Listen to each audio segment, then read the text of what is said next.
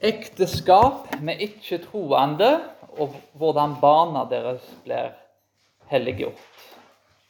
Det er noen av de tingene som vi skal se på i dag. Og Vi lever jo i en kultur der dette med ekteskap og dette budskapet i Korint kan være veldig kontroversielt. I Norge er faktisk skilsmisseraten rundt 40% som visstnok skal være den laveste siden 1989.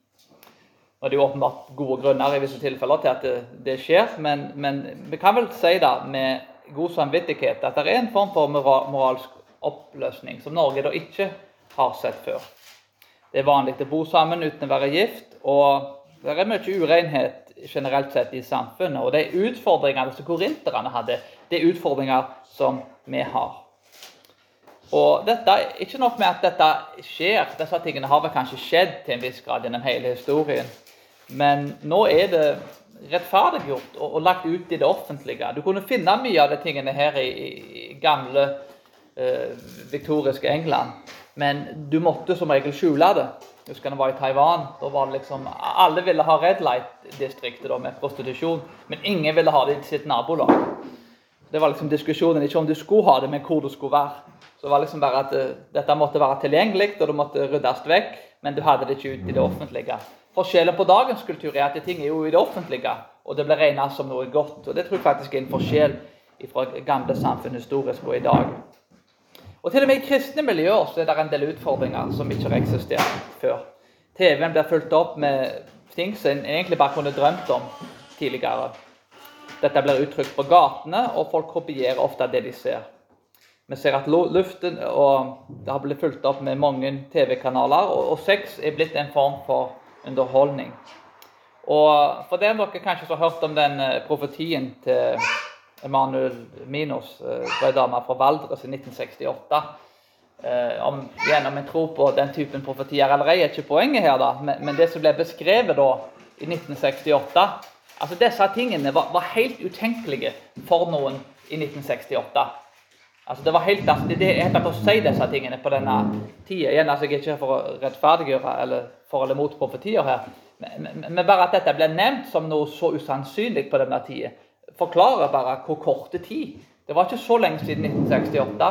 Og kulturen i dag er Det er helt utenkelig at våre besteforeldre Har vi spurt en gammel en gang hvordan er det liksom, du, Han var over 100 år gammel. Hvordan var det liksom når du vokste opp? Jeg hadde ikke trodd det, sa han. Jeg hadde ikke trodd det hvis han fortalte hvordan samfunnet hadde forandra seg. Ting har forandra seg, og det har forandra seg kjapt pga. internettet. Så går ting utrolig kjapt. Bare i 1968 hadde folk aldri trodd at sikkert en tiendedel av tingene hadde vært mulig. Og Dette er kulturen som vi lever i, og vi er i ferd med å bli den nye Korint. Paulus har altså, med andre ord svært alvorlige utfordringer i likhet med oss, som han må gå inn i dette brevet og løse. Et av de store problemene som Paulus møter, da, er at mange ikke-troende blir kristne. Og det er jo selvsagt en god ting. Eh, men oftest er det én av foreldrene, da. Kanskje de har barn, kanskje de er gift, kanskje de ikke har barn men en av den som er gift, eh, kristen, mens den andre ikke blir det. Svært ofte så var det jo da kvinner som ble kristne. Det var uheldigvis menn som ble kristne. Men, men, kristendommen har alltid vært en religion i veldig stor grad som Det har vært et flertall av kvinner. Kvinner er generelt sett mer religiøse, altså i, alle religioner. Så, så teknisk sett og tallmessig da, så har kvinnene Eh, og svært ofte da, så var de kanskje gift med, med en ikke-kristen mann. Men noen ganger så var det motsatt. Noen ganger var det mannen som ble kristen, og så var det damer da, som ikke var kristen. En er altså gift da, med noen da, som ikke deler samme troen som en sjøl. Og Paulus vil gi noe svar på hvordan en skal navigere gjennom dette, spesielt dette med hensyn til barn. Og Det er to ting som Paulus vil gå inn på her. Og Det er nummer én den ikke-troende og barnet er blitt helliggjort gjennom ekteskapet med den troende. Og nummer to en vektlegger dette med fredsmekling og bli der en er kalt.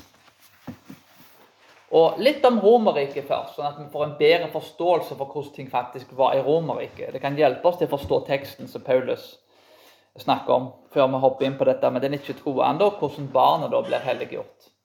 Skilsmisse i Romerriket var altså Generelt sett alle store riker er veldig konservative i starten, og så blir de som regel veldig liberale mot slutten, og, og da går de i oppløsning. Når, et samfunn er veldig umoralsk og veldig liberalt, så er det som regel et tegn på at samfunnet er i ferd med å gå i oppløsning. Og Interessant nok så er det mange kjente artister, sånn som Bertrand Russell, så vel som Will Durant, som var noen av de mest kjente historikerne i verden, som beskrev det samme. Når du avviser teologien, så avviser du moralen og etikken, og dermed så får du et samfunn da, som ikke vil fungere til slutt. Og til slutt da, så kommer det nye sykluser. Nye sivilisasjoner blir bygd opp etter den andre brøt ned. Det er syklusen i historien, uavhengig av hvilke personlige følelser som er involvert der. Så, så, sånn er syklusene. Uh, men uansett, det var mer konservativt når det begynte. Men på denne tida så var Romerriket blitt noe helt annet enn hva det opprinnelig var. Menn og kvinner hadde mye større rett til å skille seg uten noe spesielt god grunn, i likhet med dagens samfunn. Utroskap var eh, kanskje ikke sånn ekstremt utbredt, spesielt i, fall i de øvre klassene, men det var som regel da i de øvre klassene av politiske grunner. Og kanskje jo at de ikke fikk barn. Hvis du ikke kunne få barn sammen, så var det en gyldig grunn til å skille seg. Sex med slaver, prostituerte, frie kvinner fra den lave klassen da, var ikke da sett på som utroskap. Så med andre ord, hvis du hadde da eh, samleie med en slave, så var det sett på som det var ikke sett på som utroskap. Det var kun da hvis du hadde med, med, med en gifteperson kona spesielt, da, ble sett på som, som utroskap. Så det er en helt annen måte å forstå det på i Romerriket enn det er i dag.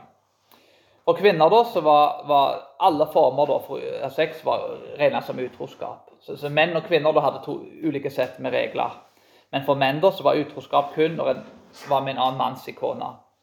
Eh, homofili var veldig utbredt, som vi allerede vet. Og i år 18 år før Kristus så fikk keiser Augustus gjennom en lov som faktisk gjorde det straffbart med utroskap for en kvinne som ble tatt. Så han gjorde det veldig strengt igjen. Det løsna litt opp, og så kom han inn og lagde litt strengere regler. I Romerriket var minimumsalderen for ekteskap for jenter 12 år og 14 år for gutter. Men vanligvis da så uh, gifta jenter seg fra 12 til 18, mens menn gifta seg da rundt 30 år. En ting som kristendommen gjorde, var faktisk å utsette alderen der, der jenter gifter seg. Så de gifter seg faktisk kristne jenter og gifter seg som regel senere.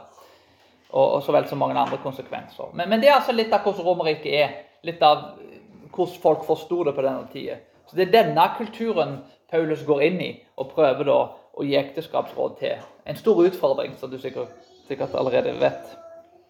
Men vi begynner med dette, den ikke-troende, og at barnet er helliget vers 12-13. Til det andre sier jeg, ikke Herren, dersom en bror har en hustru som ikke er troende, og hun samtykker i å bo hos ham, da skal han ikke skille seg fra henne. Dersom en kvinne har en, ut, har en vantro mann, og denne samtykker i å bo hos henne, da skal han ikke skille seg fra ham. En troende skal altså ikke ta et skilsmisse uh, med en ikke-troende. Så En skal altså ikke søke skilsmissen. Skilsmisse er en veldig vond ting, og spesielt for barn. da og alle andre involverte parter. Det kan ødelegge familier. Og til og med romerne virker til en viss grad til å forstå det, at det var destruktive konsekvenser, med Augustus' sin lov bl.a. Men om en ikke troende da eh, kan få enhet med en troende, så er jo det en bra ting. En vil at folk skal være i harmoni og i fred med hverandre. Men samtidig også er det visse utfordringer som kommer med det. Eh, I Romerriket var det som regel menn som fikk retten bl.a. til barn og flere andre ting. Så mye av rettighetene, til og med når han ble skilt, da, var det menn som hadde. Men det er flere ting som kan være med og viktig å påpeke i dette. Det første er at ens vitnesbyrd til den en er gift med som ikke er troende. Om vi går ut av et ekteskap, da, om en er blitt kristen da, i voksen alder, og, og den er gift med ikke er kristen, så er det et veldig dårlig vitnesbyrd. En gir fra seg den muligheten til å kunne vitne til en person som en er gift med. Og Det er jo en, en, ja, en unik mulighet. da. Og Det er jo heller ikke et bra vitnesbyrd generelt sett at en velger å gå fra noen uten ikke at det er gode grunner til det. Nummer to skilsmisse er ikke å elske sin egen familie. Det er ikke en form for nestkjærlighet, dette å ikke holde ekteskapsløftene. Et ekteskap mellom en mann og kvinne er ifølge Guds ord og, og kristen tenkning et ekte ekteskap Uavhengig av folk er troende eller ei. Altså Hvis en mann og kvinne er gift, og har gjort det offentlig, så er de gift. Og Samme hvordan den dynamikken og det ekteskapet fungerer. Altså Det er et reelt ekteskap. Et ekteskap som er utenfor den kategorien, etter min mening vil ikke kunne kategoriseres som et ekteskap. Nummer tre. En kristen som tar ut skilsmisse igjen, er et dårlig vitnesbyrd i kulturen som helhet. Mye av eh, det som ble gjort og ble lovfesta i denne kulturen, gjorde du ute på markedene. Dette er ikke en privat kultur der du sitter på iPaden hjemme i stua med internett og kommer rett inn. Det er en kultur der du, altså det er offentlig. Naboen vet alt om deg. Det var ikke så lenge siden det var sånn i Norge før internettet, der naboene visste alt hva du gjorde og hva du ikke gjorde. Mens i dag så kan der, ja, du har ikke snøring på hva naboen holder på med lenger. Men dette er altså en offentlig kultur. Så vitnesbyrdet sprer seg som, som ild i tørt gress på veldig kort tid. Og hvis kristne får et vitnesbyrd på seg og ja, bare aktiv i skilsmisse, så er jo ikke det en bra ting. Og det er ikke en bra ting hvis folk skal bli ført til Kristus. Men utenom det så må en derimot si at en kristen da, som lever med en ikke-troende, vil i Romerriket da, i likhet med alle typer ekteskap, ha ulike utfordringer. Sosiale settinger, f.eks. Hvis en ble invitert til å delta i avgudsdyrkelse jeg vet at det av noen ganger i, i norsk sammenheng òg, hvis en er kristen, en ikke, og så, og så skal de på en fest og eksempel, og drikke store mengder med alkohol, så vet jeg at det har ledet til indre konflikt hos, hvis den ene er blitt kristen og en ikke er det. Så, så er, Her var det jo avgudsdyrkelse. At en spiste mat ofra til avgudene. Det var en stor ting. Og Plutselig er du kristen, da, og nå kan ikke jeg delta i det offentlige, på sosiale aktiviteter. Du kan kanskje ikke spise mat ofra til avgudene. Nå har du plutselig isolert deg fra omverdenen. Du kan ikke delta på en haug med ting som andre kan gjøre, som du tidligere kunne gjøre. Og kanskje du heller ikke klarer å delta på de tingene lenger, fordi at du, du vet at hvis du går inn på en sånn plass, så kan du bli frista på en måte som, som, som ikke er positive. Og Da kan du ikke være et godt vitnesbyrd. Paulus vil altså her at de kristne skal være et godt vitnesbyrd i en ugudelig og umoralsk kultur. Den kristne moralen her er jo langt bedre enn den romerske. Den romerske moralen hadde sunket ganske lågt. Og Den kristne moralen var mange hakk over. Hvis du leser Rodney Stark, så kan du se noen av denne utviklingen. Hvordan kristendommen kom inn faktisk og, og forandra ting. Så Det var en sånn, sånn dobbelthet med kristendommen i Romerriket. Det var dette er veldig attraktivt. Litt med jødene. Jødene var sett på som mer moralske enn romere og grekere. Men, men, samtidig så var veldig folk provosert på dem. Det var veldig irriterende at de var så moralske. Det er litt sånn uh, dobbeltsidig der, da. Så folk har liksom litt respekt for dem, men samtidig er det utrolig irriterende at denne personen kanskje får meg til å se umoralsk ut. Så det er ikke alltid bare rosen får, til og med om en gjør de rette tingene. Om en kristen prøver da å fortsette i et ekteskap da, til tross for at han ikke deler troen, så, så, ser vi da igjen og igjen at dette er et godt vitnesbyrd. Det er en god og moralsk handling som er et godt vitnesbyrd. og Det er derfor Paulus anbefaler det. I vers 14.: For den vantro mannen er helliget ved sin hustru, og den vantro, vantro hustruen er helliget ved den kristne broren. Ellers vil jo deres barn være urene, men nå er de hellige. Barnet er altså hellige gjennom dette. Det er flere tolkninger av dette verset.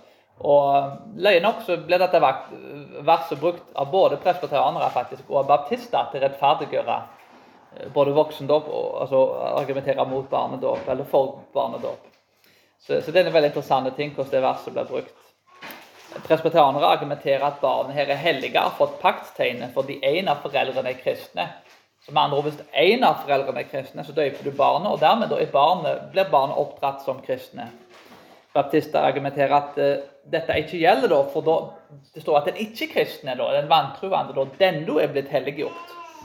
Og da må den døypes. Da må den ikke-troende døpes til tross for de ikke bekjenner tro. Så det er en interessant uh, dynamikk her i argumentasjonen. En måte å se dette på er at Paulus argumenterer for at ekteskap mellom en ikke-troende er gyldig når den ene blir kristen etter han ble gift.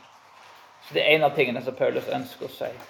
Ordet 'hellige' her er faktisk det greske ordet som ble brukt for å vise at kristne separerer seg fra hedenskapen, og de blir satt til sides to set apart, eller de blir satt til sides for Guds sak. Første Gründerbrevet eh, kapittel 1, kapittel 3, kapittel 6, blant annet, så ser du litt av disse tingene.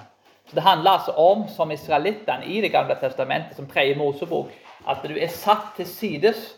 Du spiser annerledes, du gjør annerledes ting, du lever annerledes. Fordi du er satt til sides av Gud for å reflektere hans bilde på en verdig måte. Den ikke-troende er i en familie og er gift med en troende. Og er altså ikke frelst pga. det. Jeg tror ikke så versene sier at en som ikke tror, da, er frelst og blitt helliggjort da, i den forstand at de er en del av Guds pakt og, og er frelst. Det er ikke det jeg tror disse versene sier. Men det er vel rettferdig å kunne si at det er vel mye større sjanse for at en ikke-troende vil bli frelst hvis en er gift med en som er troende. Til slutt så kan en faktisk komme til tro. Så du er jo under en påvirkning. Eh, du er satt til sides, kan jeg gjerne si. Du er blitt helliggjort i den forstand du er satt til sides og påvirka i en grad at den viktigste personen i livet ditt er med å påvirke deg dag etter dag etter dag. etter dag. Så du har jo egentlig et, en, en, ganske stor velsignelse, og, og, du er i en posisjon der det er veldig sannsynlig at du da kan bli frelst. Argumentet her er igjen da ikke at de ikke-troende skal bli døpt og er frelst, men at ekteskapet har blitt helliga og blitt gyldig, og at barn da har derfor en rett til å delta i paktens tegn, som er dåpen. Ekteskapet mellom troende og ikke-troende gjør altså barnet da hellige. I motsetning til den ikke-troende så blir valget for barnet som regel tatt av foreldrene. Dette er egentlig en stor forståelse av nåden, der nåden strekker til både til den ikke-troende så vel som den troende så vel som deres barn. Så igjen, det, det er ikke noen garanti for at den ikke-troende vil, vil, komme til tro og får ikke paktens tegn i den forstand. Men det er jo heller ikke noen garanti for at et barn vil bekjenne den troen som de blir oppdratt i. Så at den er satt til sides, betyr ikke at den vil fortsette å være satt til sides i en voksen alder. Vi vet at israelittene som fikk omskjærelsens tegn, noen av de datt fra. De gikk ut ifra Guds pakt. Så igjen, det må skje en omskjærelse av hjertene til folk, så vel da som en fysisk omskjærelse. Og likt er det nye, altså Uavhengig av hvilken alder vi er døpt i, så må vi vise frukter i livene våre når vi blir voksne. Vi må ha en omskjærelse og en fornyelse av hjertene våre. Igjen, Dette er en stor forståelse av nåden og hvordan den strekker til. og til og med At den ikke troende, at Guds nåde til og med påvirker deg, så vel som den troende.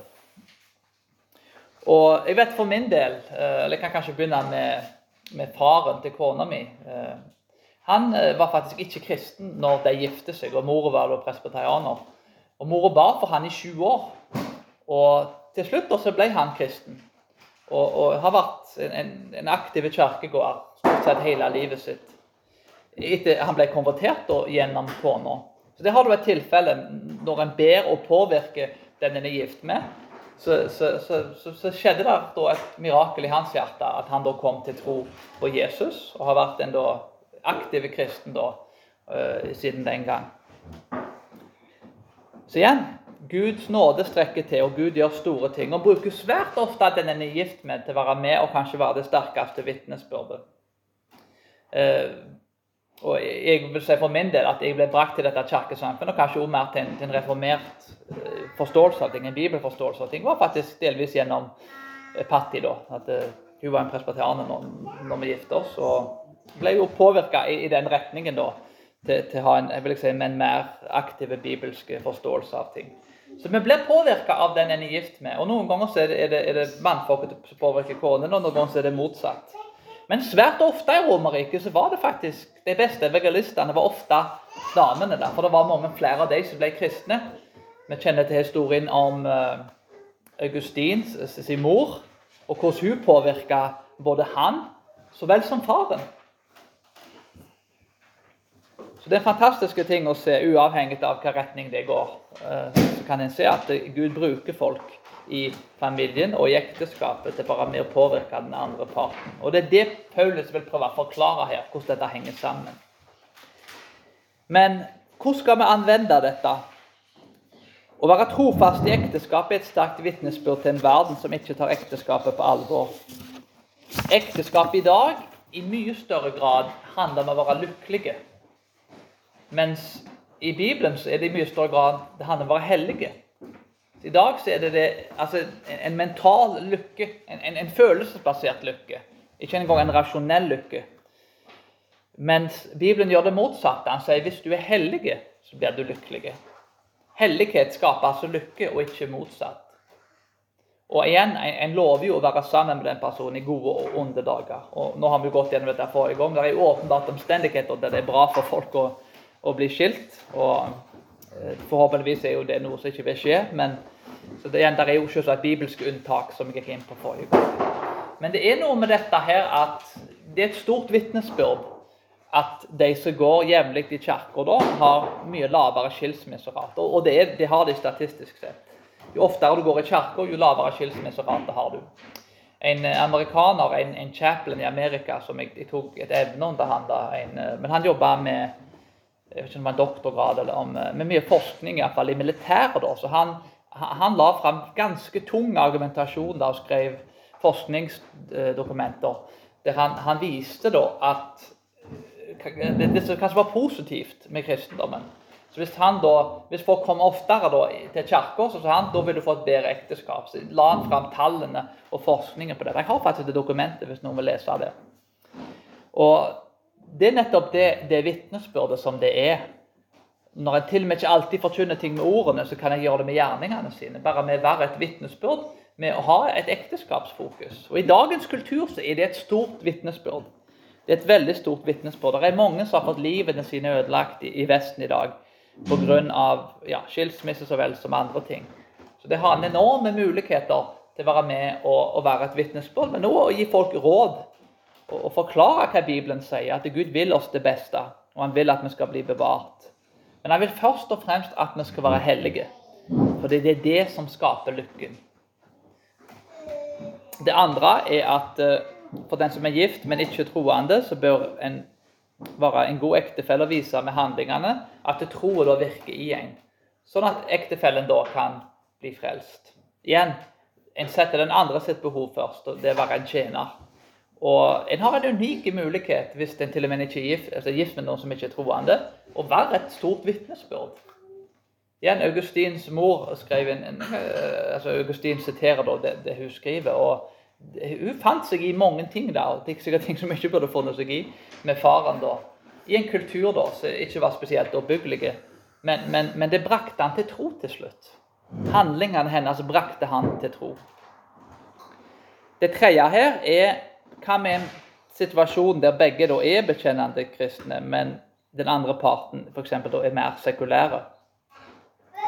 Eh, det er jo en utfordring, men, jeg tror nok i noen tilfeller, hvis noen bekjenner seg som kristne, men egentlig sånn i praksis altså ikke er kristen, og egentlig ikke tar dette på alvor, så, så jeg tror det kan være nyttig kanskje å behandle folk og, og, se på folk som ikke er kristne. Det er svært mange i dag som bekjenner en tro som de ikke nødvendigvis følger. Og Dermed så, så er det nok bedre tror jeg, kanskje å heller behandle den personen som, som, som en ikke-kristen. Men det må jo være basert på en form for overbevisning. Eh, det likt er det med folk som holder syn som, som, åpenbart er ubibelske. Jeg har iallfall alltid den kategorien at jeg, jeg, tenker på denne personen her, den, den deler ikke samme troen som meg.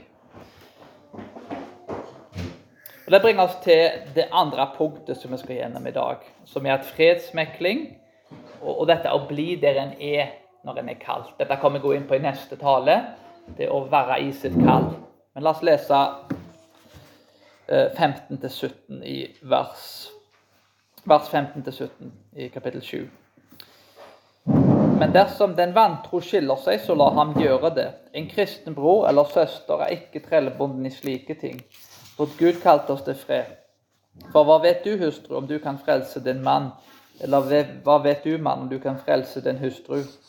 Likevel må enhver vandre som Herren har gitt ham som han var da Herren kalte ham. Dette gir jeg pålegg på i alle menigheter. Prøv å forestille deg sjøl om du går inn i et ekteskap med noen da, som deler din forståelse, dine verdier og annet. Og plutselig så forandrer den personen mening. Det er altså Kanskje du gifter deg med en kristen, og så tre år senere så er han en artist. Du er ikke lenger gift med den samme personen. Og dette er, dette er hardt. Og jeg må si at jeg har en veldig stor sympati for folk som er i en sånn situasjon. Og det tror jeg også Paulus har. Og Paulus virker igjen til å ha veldig stor sympati her, faktisk. Eh, ord for den, for den ikke-troende. Tenk om en person, to stykker går inn i et ekteskap, de er, deler alle felles interesser, de er artister, de gjør de samme tingene, og plutselig så blir den ene kristen.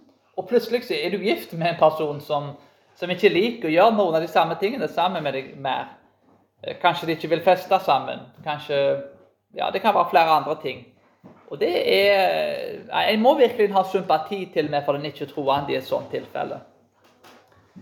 Eh, det er ikke en enkel ting. Du gifter deg egentlig med en helt annen person.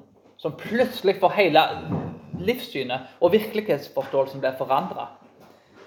Og om en da velger å gå ut, så er jo ikke det en bra ting i noen som helst sammenheng. Men, men en kan i det minste ha stor sympati for et sånt tilfelle. Og det tror jeg Paulus har her.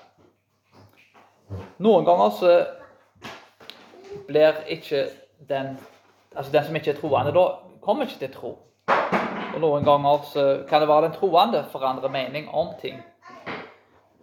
Og til og med, noen ganger så kan til og med barn ende opp som ikke troende. Men uansett omstendighet som er en kalt til fred. Noen ganger så har Gud andre planer enn vi har, og han gjør kanskje ting på en helt annen måte enn vi hadde tenkt. En kan ikke frelse folk, det er det bare Gud som kan. Og han vil gjøre det på sitt tidspunkt. Ideal, som sagt, er jo da å ha fred og være, være gift og holde sammen. Og igjen, vi skal være fredsmeklere. Vi skal bringe fred inn i en ødelagt verden. Men det er ikke sånn at det alltid er mulig å gjennomføre det. Og iallfall ikke i dag, i dagens kultur.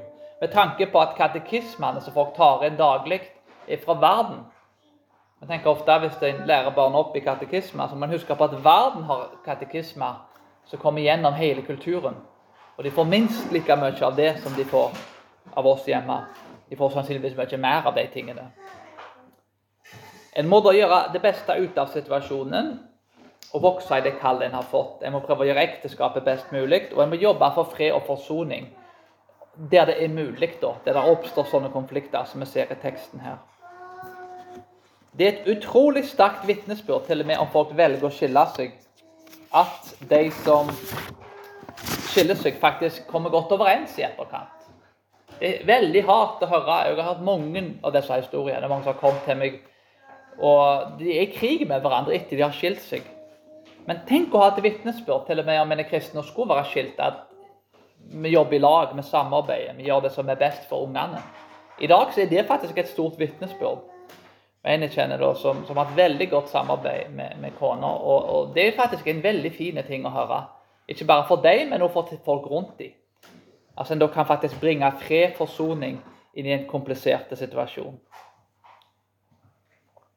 Et vitnesbyrd er jo her at de kristne skal være sjalomens folk. Det er jo dette ordet med sjalom som, som en, en oppbyggelig, konstruktiv altså Det ordet kan ikke beskrives da med, med, Jeg trenger sikkert ti ord for å beskrive det. Men det er at det alt er vel med deg.